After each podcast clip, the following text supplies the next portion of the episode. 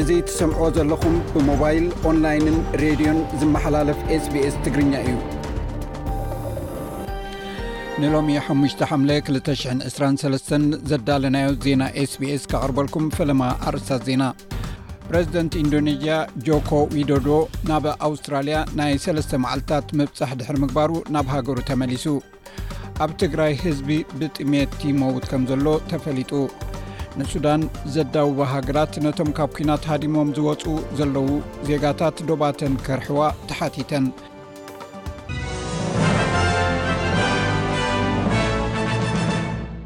ብመሰረት ጸብጻባት፣ ዓሰርተ ክልተ ሰባት ድሕሪ ምቕታሎምን ካልኦት ሚእቲ ድሕሪ ምቝሳሎምን፣ ሰራዊት እስራኤል ወተሃደራዊ ስርሒታቶም ዛዚሞም ካብቲ ኣብ ዌስት ባንክ እትርከብ ከተማ ጀኒን ክወጹ ጀሚሮም ኣለዉ ተባሂሉ።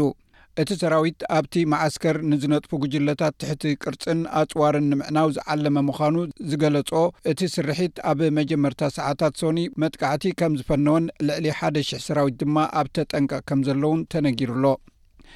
ነቲ ኣብ ልዕሊ ስድራ ቤታት ዝወርድ ዘሎ ናይ መነባብሮ ጸቕጥታት ንምቁጽጻር ኣዝዩ ኣጸጋሚ ኣብ ዝኾነሉ እዋን መጠን ወለድ እናወስኸ ምእንቲ ከይከይድ መንግስቲ ኣውስትራልያ ክገብሮ ዝኽእል ኩሉ ነገራት ክጥቀም ሰልፊ ተቃዋሚኡ ጸዊዑ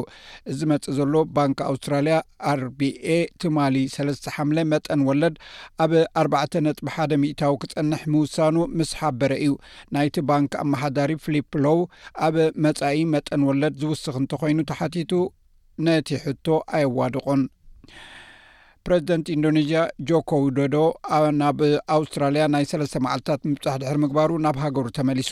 ንሱ ኣብ ኣውስትራልያ ኣብ ዝጸንሓሉ እዋን ምስ ቀዳማይ ሚኒስትር ኣንቶኒ ኣልቤነዝ ተራኺቡ ክልቲኦም መራሕቲ ድማ ኣብ ከም ለውጢ ቪዛ ተበግሶ ምወላን ሽርክነታዊ ትምህርትን ዝኣመሰሉ ዝተፈላለዩ ጉዳያት ተሰማሚዖም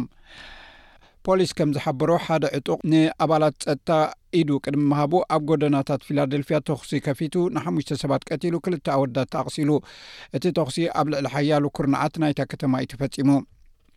ድሕሪ እቲ ፖሊስ ኣብ ልዕሊ ሓደ ወዲ 17 ዓመት መንእሰይ ዝገበሮ ቅትለት ስዒቡ ኣብ ፓሪስ ኣጋጢሙ ዘሎ ናዕቢ ንምዝራብ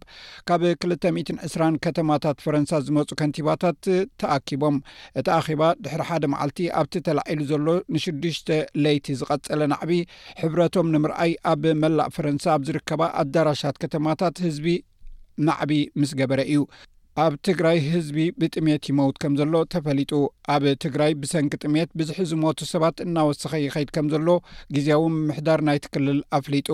እቲ ብኮሚሽን ምክልኻል ሓደጋ ትግራይ ዝተገልጸ ብፍላይ ቀረብ ረድኤት መግቢ ካብ ዘቋርጽ ካብ ሰለስተ ዞባታት እቲ ክልል ዝተረኽበ መረዳእታ ከም ዘመልክቶ ልዕሊ ሸውዓተ ሚእቲ ሰባት ብጥሜትን ተዛመድቲ ምኽንያታትን ህይወቶም ከም ዝሰኣኑ ተገሊጹ። ምስ ሱዳን ዘዳውባ ሃገራት ነቶም ካብ ኲናት ዝሃድሙ ሰባት ናብተን ሃገራት ናይ ምእታው ገደብ ም ብቕልጡፍ ከልዕላ ኣህጉራዊ ትካል ተጣባቒ ሰብኣዊ መሰላት ኣምነስቲ ኢንተርናሽናል ሓቲቱ።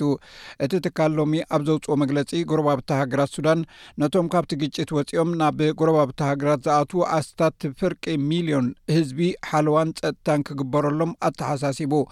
ኣብ መንጎ ትሽዓተ ጉንበትን ዓሰርተ ሽዱሽተ ሰነን እቲ ኣህጉራዊ ትካል ሰብኣዊ መሰላት ኣምነስቲ ኢንተርናሽናል ን ዕስራን ትሽዓተን ሱዳናውያን ሲቪላት ቃለ መሕትት ኣካይዱ ከም ዝረኸቦ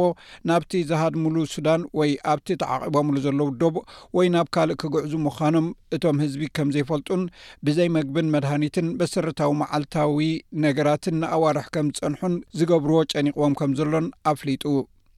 እዚ ሬድዮ ስፔስ ብቋንቋ ትግርኛ ዝፍኖ መደብ እዩ